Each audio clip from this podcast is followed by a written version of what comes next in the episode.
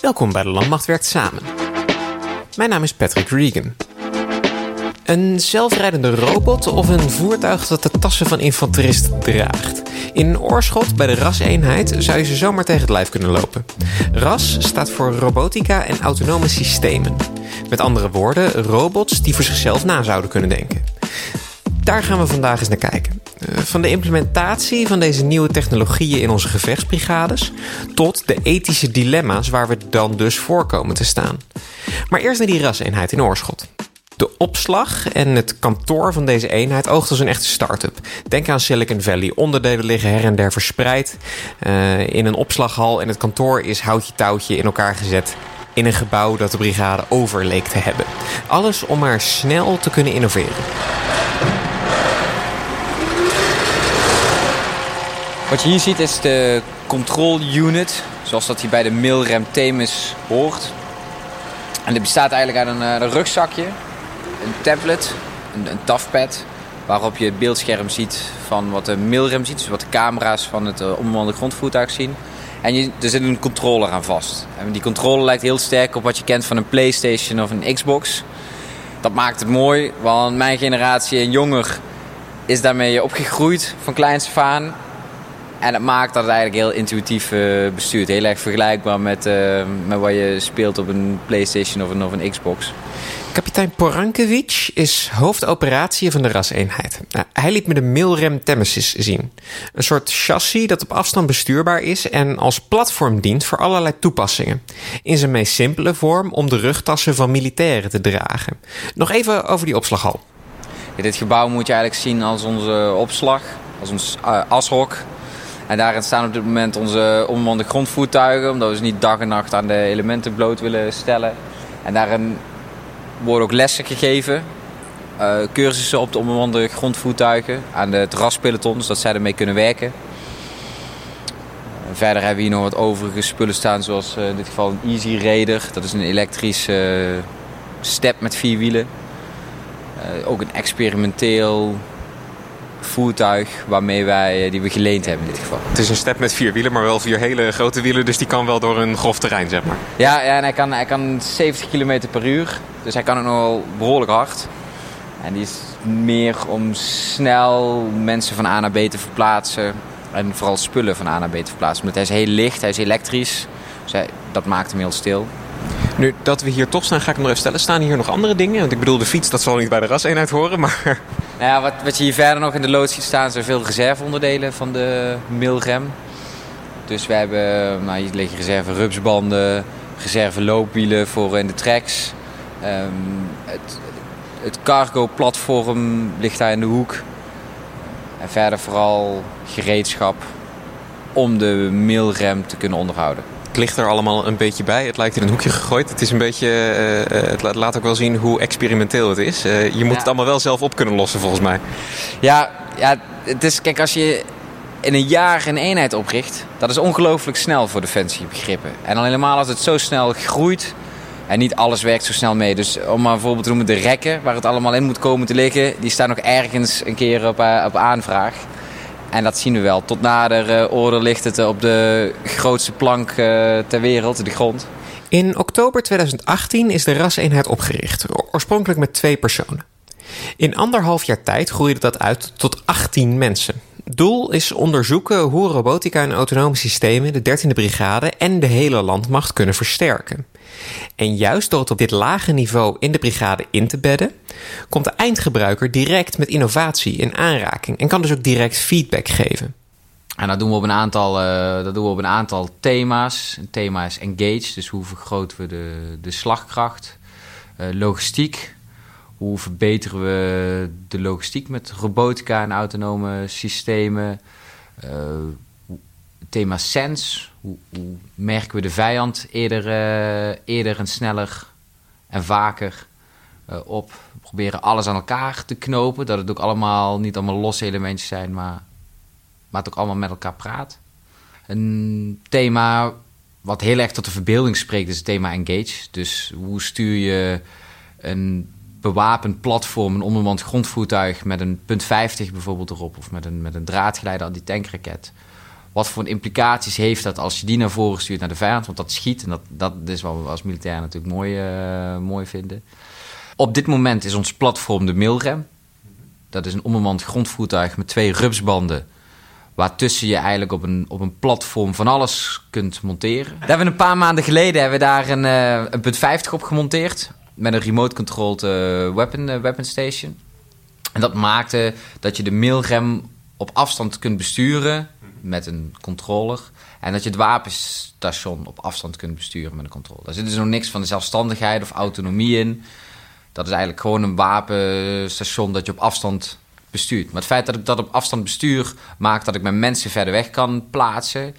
En dat creëert meer veiligheid voor het eigen personeel. En dat maakt ook dat ik met die systemen een hoger risico kan nemen en accepteren dan dat ik dat met mensen zou kunnen nemen en accepteren. Ik kan makkelijk een, een zo'n voertuig alleen naar voren toe sturen om de vijand te, te verstoren en te, te binden, zonder dat ik daar een klein groepje mensen aan en hoef op te offeren tussen aanhalingstekens. Ik kan me misschien voorstellen, uh, patrouille ergens waar dan ook. Uh, misschien komt er een hinderlaag aan. We sturen het uh, voertuig naar voren en laten hem het werk ja, bijvoorbeeld dat. En ook offensief. Dus ik kan bijvoorbeeld een idee wat ik in 2020 wil ontwikkelen, is de remote controlled ambush. Dus de op afstand bestuurde hinderlaag. Waarin dat er in een straal van een paar honderd meter geen eigen troepen meer zijn. En zowel de hele hinderlaag, het waarnemen van de vijand die eraan komt, als wel het aangrijpen van de vijand, helemaal op afstand bestuurd wordt. De raseenheid in Oorschot houdt zich dus bezig met de ontwikkelingen van vandaag en morgen in de context van een operationele eenheid. En op dit moment blijft dat vooral bij robotica, materieel op afstand besturen. Maar voordat we verder in het vandaag duiken, gaan we de toekomst bekijken. Kunstmatige intelligentie is nu dus op dat operationele niveau nog niet echt aan de orde. Daarbij zouden robots simpel gezegd zelf na gaan denken. En, en dan komen er opeens heel veel hele ingewikkelde vragen om de hoek zetten. Het is niet een technisch project, of louter een technisch project. Uh, denk ook aan de ethiek wat erbij komt kijken. Houdt de raseenheid zich bezig met vandaag en morgen? Kijkt overste Martijn Hedeke naar overmorgen, volgend jaar en misschien zelfs 30 jaar vooruit? Zeker als we bewapende systemen wat meer zelfstandigheid in de taakuitvoering gaan geven, dan komt daar automatisch uh, betekenisvolle menselijke controle bij kijken. Nou, wat is dat dan precies? Ook die vraag proberen we te beantwoorden. Zodat we het allemaal over hetzelfde hebben. Robotica, autonome systemen. Uh, wat is nou eigenlijk een robot? Wanneer is iets een, robot? Een robot is een machine die een taak kan uitvoeren. Dus een koffieautomaat is, is geen robot, die zet gewoon koffie. Maar die kan niet interacteren met zijn omgeving.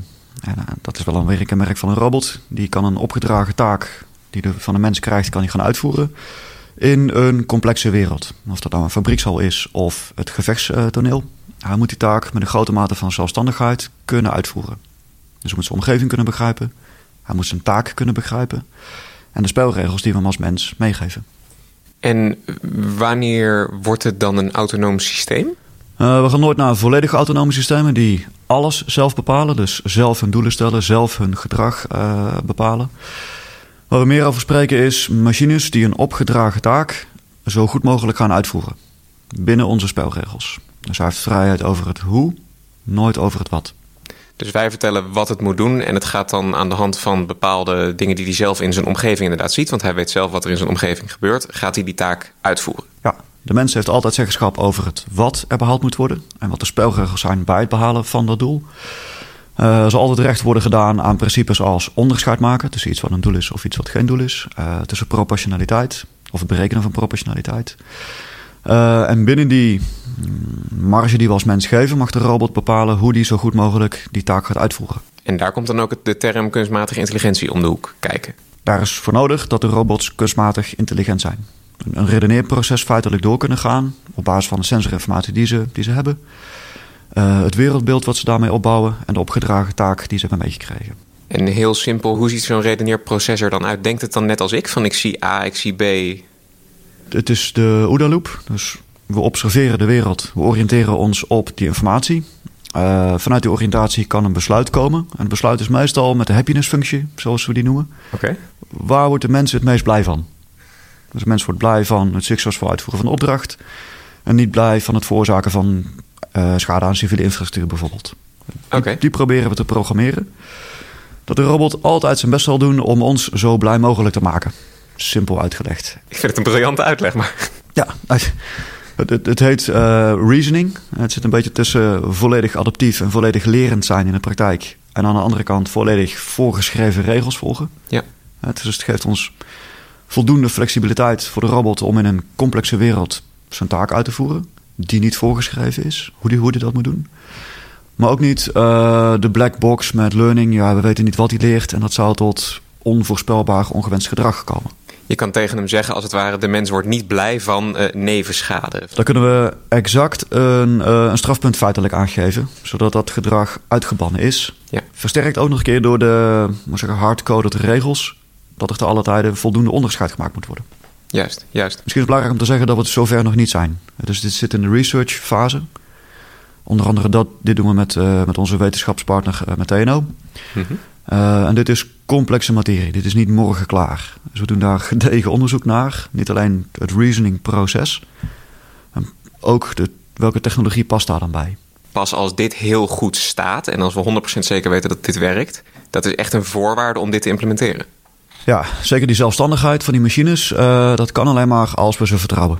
En als wij ze vertrouwen als militair en als breder de politiek en de samenleving er ook vertrouwen in heeft dat we dit voldoende veilig, met voldoende betekenisvolle controle kunnen doen. Robotica als geheel, waarom zijn wij daarmee bezig? Ja, dat was ook de eerste vraag die ik stelde aan de opdrachtgever. Uh, stafklas Strategie en Plannen. Ik sta te popelen om aan de slag te gaan met die robots. Fantastisch. Maar welk probleem moet ik eigenlijk oplossen voor de organisatie? Als, als ik dat beter weet, als we daar beter uh, onderzoek naar hebben gedaan... dan kan ik uh, beter innoveren. Dan weet ik namelijk wat ik moet gaan oplossen. Er bleek een aantal problemen te zijn. Eén was het risico verminderen voor de militair. Mm -hmm. Dus we hechten waarde aan onze, aan onze jongens en meisjes, aan de mensenlevens. Laten we zo goed mogelijk hun proberen te beschermen. Ondanks dat het een risicovolle taak uh, is. Laat dan de robots maar uh, het risicovolle werk doen. Um, tweede reden was uh, dominant zijn en blijven in het gevecht. zeker tegen gelijkwaardige of soms sterkere tegenstanders staan we op een achterstand. Mm -hmm. verslagen in het elektromagnetisch spectrum met jamming en met GPS-spoofing is dat een zware uitdaging. Uh, met het aantal sensor-to-shooters, wat bijvoorbeeld het Russische leger heeft, uh, heeft geïnvesteerd, staan we voor een grote uitdaging. Um, wetende dat we een vrijwilligersleger hebben, uh, moeten we, of kunnen we niet langer hebben van grote aantallen jongens en meisjes. dus meer is voor ons geen optie. Beter kan wel. Dus beter met meer onbemande systemen, zodat die mensen niet alleen veiliger kunnen werken, maar ook meer gevechtskracht kunnen organiseren. Uh, met gelijkblijvend personeel aantal. Dan zijn we in staat om meer gevechtskracht te organiseren. De mensen die je hebt worden efficiënter misschien? Ja, we krijgen gewoon niet meer mensen erbij. Hoe hard we ook trekken aan die arbeidsmarkt. Uh, die concurrentie die is gewoon lastig, die gaan we niet winnen. En die trend is dalende. Het aantal uh, jongens en meisjes wat beschikbaar is voor ons en wat geschikt is voor ons. Dan past een andere manier van gevechtskracht creëren. en dat zit voor mij dan in de onbemande systemen. Jullie zijn eigenlijk uh, bezig met zaken waarvan je helemaal nog niet weet wat er allemaal kan. Je weet wat voor behoefte je aan het vullen bent, maar hoe je die op de beste manier kan vullen, weet je nog niet. Dus je staat heel erg aan de voorkant van ja, de technologische ontwikkeling eigenlijk. Ja, dat is ook de kern van innoveren. Als je het al weet, heb je een behoeftestelling. Vanuit een goed probleem waar je de oplossing nog niet weet, uh, noodzaak dat tot samenwerken, tot anders naar de materie kijken, om andere manieren te vinden die we vandaag nog niet zien. En dan raak je de kern van innoveren. Hoe doen wij dat innoveren nu? Want je zei inderdaad, we werken samen met TNO, we werken samen met universiteiten. Uh, binnen de Landmacht zijn we met CDNE, uh, met Concept Development and Experimentation, georganiseerd voor het wat kortcyclischere uh, innoveren. Mm -hmm. Dus we hadden altijd al wel de, de langdurende innovatietrajecten, dus de incrementele vervangingen. nieuw gevechtsvoertuig, nieuwe panzerhouwitser, et cetera. En we hadden altijd wetenschappelijk onderzoek met onder andere TNO. Dus dat was reeds ingericht. Maar die projecten duurden allemaal 7, 8 jaar. Dus wat we eigenlijk was dat kortcyclische. Voor een probleem dat we vandaag identificeren, graag binnen drie maanden een oplossing. Wetende ook dat uh, nou, Nederland zit niet stil. Het bedrijfsleven is, is, is, is goed ontwikkeld. Goede kennisbasis. Hoogwaardige kwaliteit, ook op innovatief gebied. Laten we dat eens proberen te ontsluiten. Dus dat was de eerste reis toen we in 2016 begonnen. Ondertussen zijn we met CDNE gegroeid naar dik 60 mensen. Uh, die binnen en buiten de landmacht uh, en defensie proberen dat kortcyclisch moderniseren, structureel op te zetten. Met onze partners, voor de kenniscentra van de landmacht, voor de eenheden. zodat we de innovaties die er echt wel zijn en die echt nodig zijn, sneller naar binnen kunnen halen. Ik denk dat dit wel echt een ultiem voorbeeld is van vroeger was uh, Defensie degene die voorop liep met technologie. Hadden wij het als eerste, hadden wij het het beste. Ja. En nu zit er in het bedrijfsleven en in de civiele maatschappij zit gewoon veel meer kennis dan dat wij ooit zullen hebben. Ja, met name op robotica en AI. Uh, daar zie je echt dat de AI is geen toekomst meer. AI transformeert bedrijven al tien jaar lang. Met name sinds de introductie van de smartphone, hoeveelheid van data, de infrastructuur die beter wordt, de computing power die zich steeds ontwikkelt. Ja, dat is de, de drijvende kracht achter veel bedrijfsmodellen die helemaal op zijn kop hebben gestaan. Mm, ook op robotica, uh, dat doen we dan industrie 4.0. We zitten met de 13e brigade zitten we naast de Brainport. Als je de kazerne uitgaat rechtsaf, binnen een kilometer kom je bij Brainport Industries. Een supermoderne hal waar robots het werk doen. Uh, dus dit is al zover. Uh, en dat geeft aan dat de technologie rijp is, ook om in onze context te onderzoeken wat het voor ons kan betekenen. Mm -hmm. Als Nederland zijn we zowel klein als groot genoeg om met de AI ons voordeel te kunnen doen. Die moet ik denk ik even uitleggen. We zijn klein genoeg om uh, vanuit mezelf in één dag vanuit Den Haag, bijvoorbeeld directiebeleid, naar Oorschot te rijden. Zowel de brigade eenheden als, als Brainport. Gelukkig is Nederland zo klein dat dat gaat lukken. En dus zijn we extreem goed georganiseerd uh, om een netwerkorganisatie te zijn. En iedereen te verbinden met elkaar. We zijn groot genoeg en we hebben serieuze industrie en kennisinstellingen om dit goed, gedegen, professioneel op te pakken. Ik hoef maar naar die Brainport te kijken. En om daar, nou, tienduizenden, honderdduizenden mensen zijn ermee bezig om daar met AI en robotica en automotive het verschil te maken. We hebben een serieus goede industriële basis om AI in diverse domeinen toe te passen, ook in het onze. Hoe ver denk jij vooruit? Heb je een beeld van hoe dit er over tien jaar uit zou kunnen zien? Of? Nou, waar we mee werken zijn horizons. Dus we hebben drie horizons die ons helpen om te kijken en te organiseren. Dus horizon 1 is alles wat we vandaag gebeuren met technologie van vandaag. Zoals die onbemande voertuigen daar kijk ik uh, een jaar of twee, drie vooruit. En met name van experimenteren van vandaag, proberen te gaan operationaliseren. Ja. dus wat zijn nu de meest veelbelovende technieken en concepten die we morgen zouden kunnen en willen invoeren? Nou, dat kan niet op grote schaal, maar zouden we het kunnen proberen voor een missie bijvoorbeeld. Mm -hmm. uh, load carrying systemen, drones die, die meer situational awareness uh, produceren, dat zijn daar de markante voorbeelden van.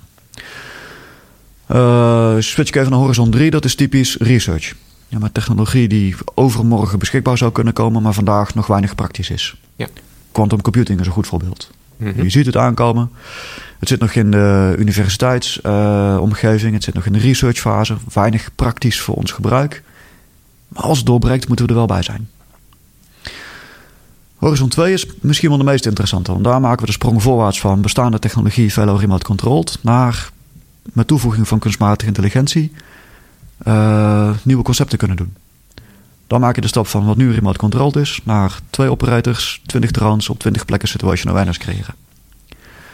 Of op 20 plekken uh, surveillance uit kunnen voeren. Of je hele flank dicht kunnen houden, waar normaal gesproken niet de mensen worden. Dan worden dat concepten worden mogelijk.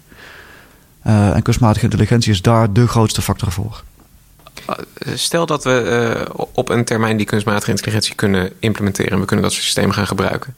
Uh, hoe ziet de landmacht er dan uit en hoe ziet een, een conflict er dan uit?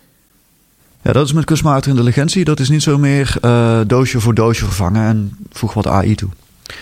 Het heeft ook impact op je, op je personeelsbestand. Het heeft ook impact op je, op je modus van organiseren. Het zou er veel platter uit kunnen zien bijvoorbeeld. Veel meer uh, rekencapaciteit en veel meer besluitvormingsmogelijkheden voorin in de organisatie. Dan zou je een veel plattere hiërarchische structuur kunnen gaan bouwen. Ook de wijze van optreden zou er wel eens anders uit kunnen zien. Dus waar we nu vooral in ketens of in, in harken zijn georganiseerd, uh, kun je veel meer misschien flexibele netwerken voorin gaan maken met wisselende rollen per systeem. Bijvoorbeeld, ieder logistiek systeem, wat uh, primair bedoeld is om logistiek uit te voeren, kan ook uitgerust worden met additionele sensoren. En kan op die manier een waarnemersrol vervullen. En andersom, ieder waarnemend systeem kan ook een bepaalde logistieke functie vervullen. Dus ik krijg heel veel meer multifunctionaliteit, modulariteit krijg je in je organisatie. Uh, dat zijn de positieve aspecten van het robotiseren van je organisatie. Je zegt positieve, dan moet ik negatieve vragen.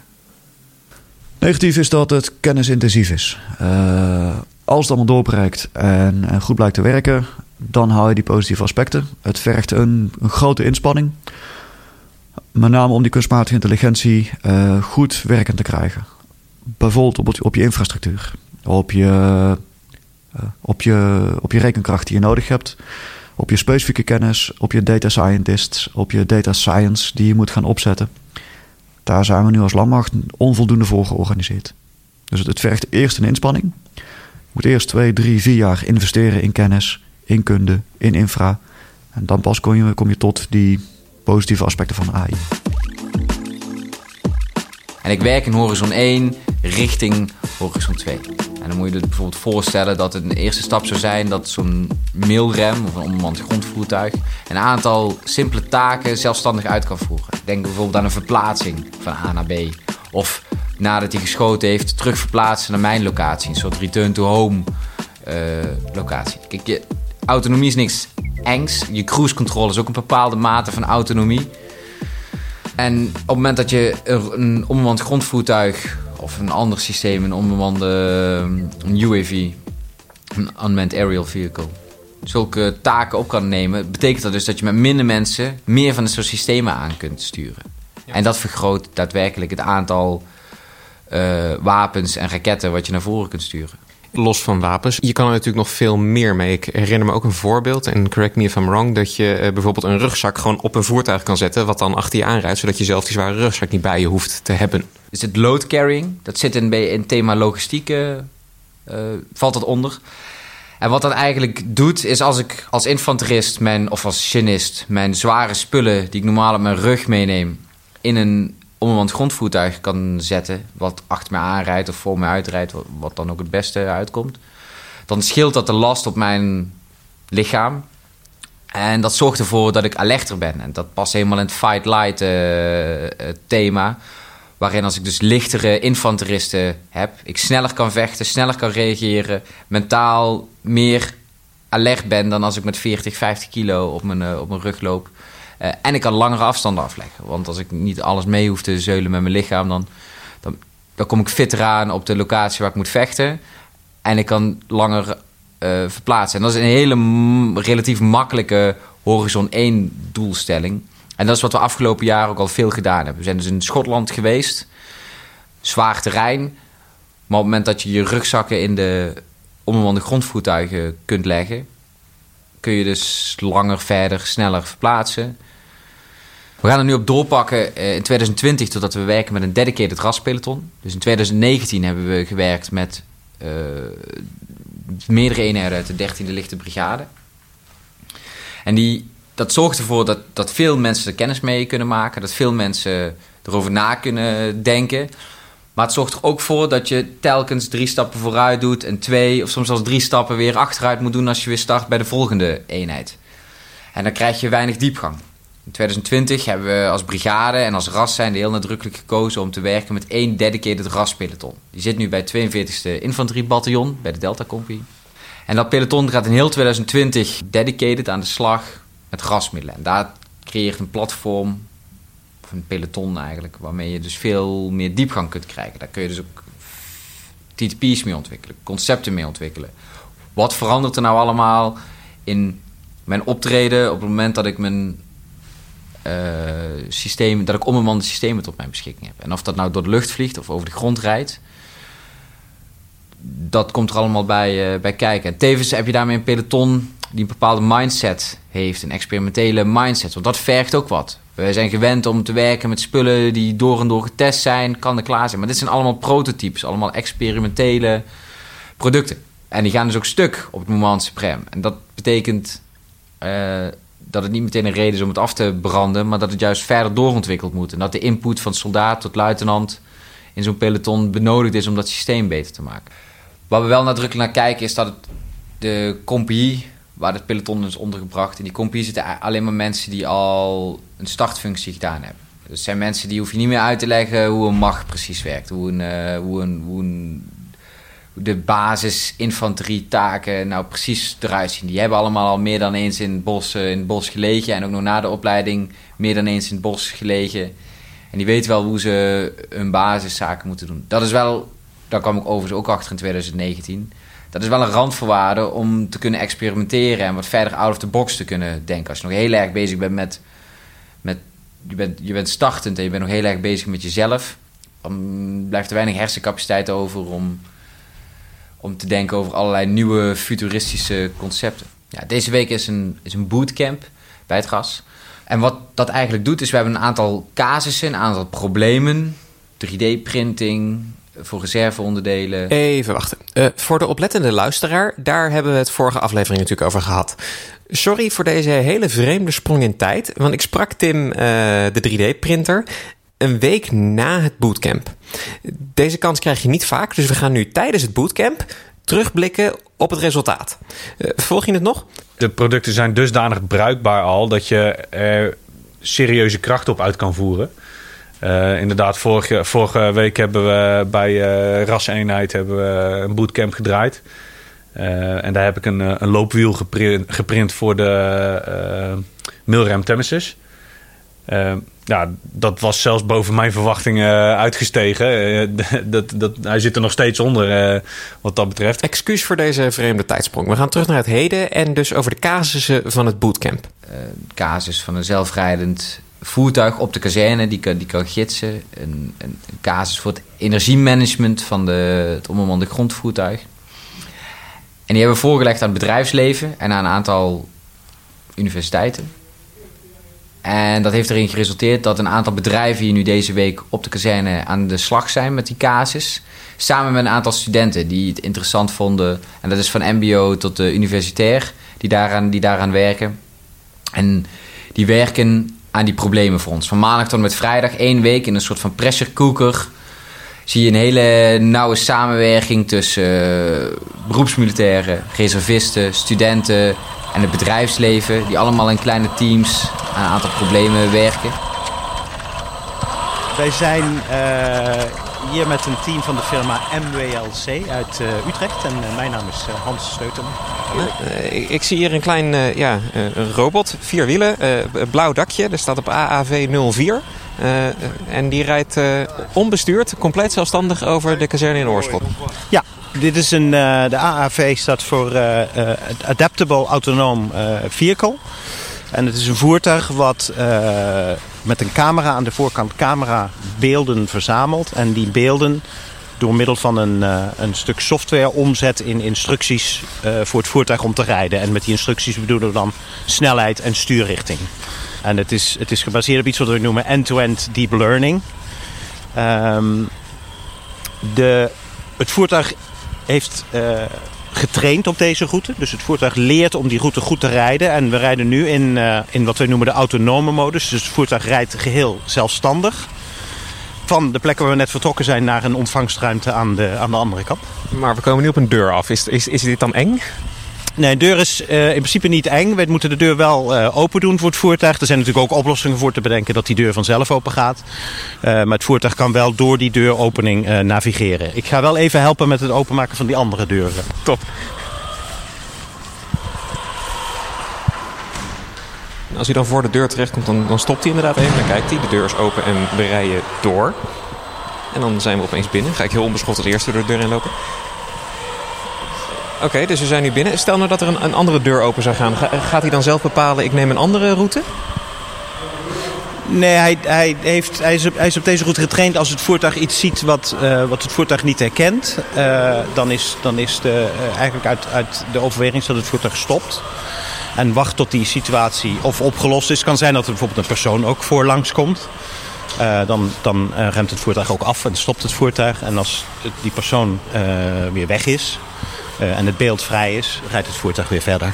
En uh, dit, dit, specifieke voorbeeld. Ik, ik wacht even tot we weer buiten zijn. Dan gaat zo meteen weer een deur open moeten, denk ik. Nee hoor, nee, dat, uh, nee we zijn nu... dit hebben we aangegeven als eindpunt okay. van, van de reis. Dat noemen wij een navigatiepunt. En het voertuig herkent nu op basis van het, van het beeld wat, wat met de camera genomen wordt dat we aan het eindpunt zijn. Het mooie van deze technologie is, het is heel erg flexibel. We hebben het nu ingezet op, op dit voertuig, maar diezelfde aanpak met een camera en een neuraal netwerk kan op, uh, op allerlei soorten voertuigen ingezet worden. En wij doen dat, wij doen dat ook. We zijn nu bij, uh, bij 13 Lichte Brigade, de raseenheid daarvan. Ja. Ja. Jullie zijn een extern bedrijf hierbij binnengekomen. Waarom uh, ja, zijn jullie hier eigenlijk vandaag? Nou ja, wat, wat, wat voor ons, er zijn een aantal aspecten die voor ons interessant zijn. Uh, we, we, we, wilden graag contact met, met robotica en autonome systemen om ook om te begrijpen wat de insteek van Defensie is met betrekking tot, uh, tot, tot autonome toepassingen. Ehm, wij komen van de kant van, van autonoom vervoer. Uh, wij houden ons ook bezig met, met andere projecten bij zeg maar niet-regeringsklanten, bij, bij commerciële klanten op, voor inspectie van installaties of voor vrachtvervoer op de, op de weg.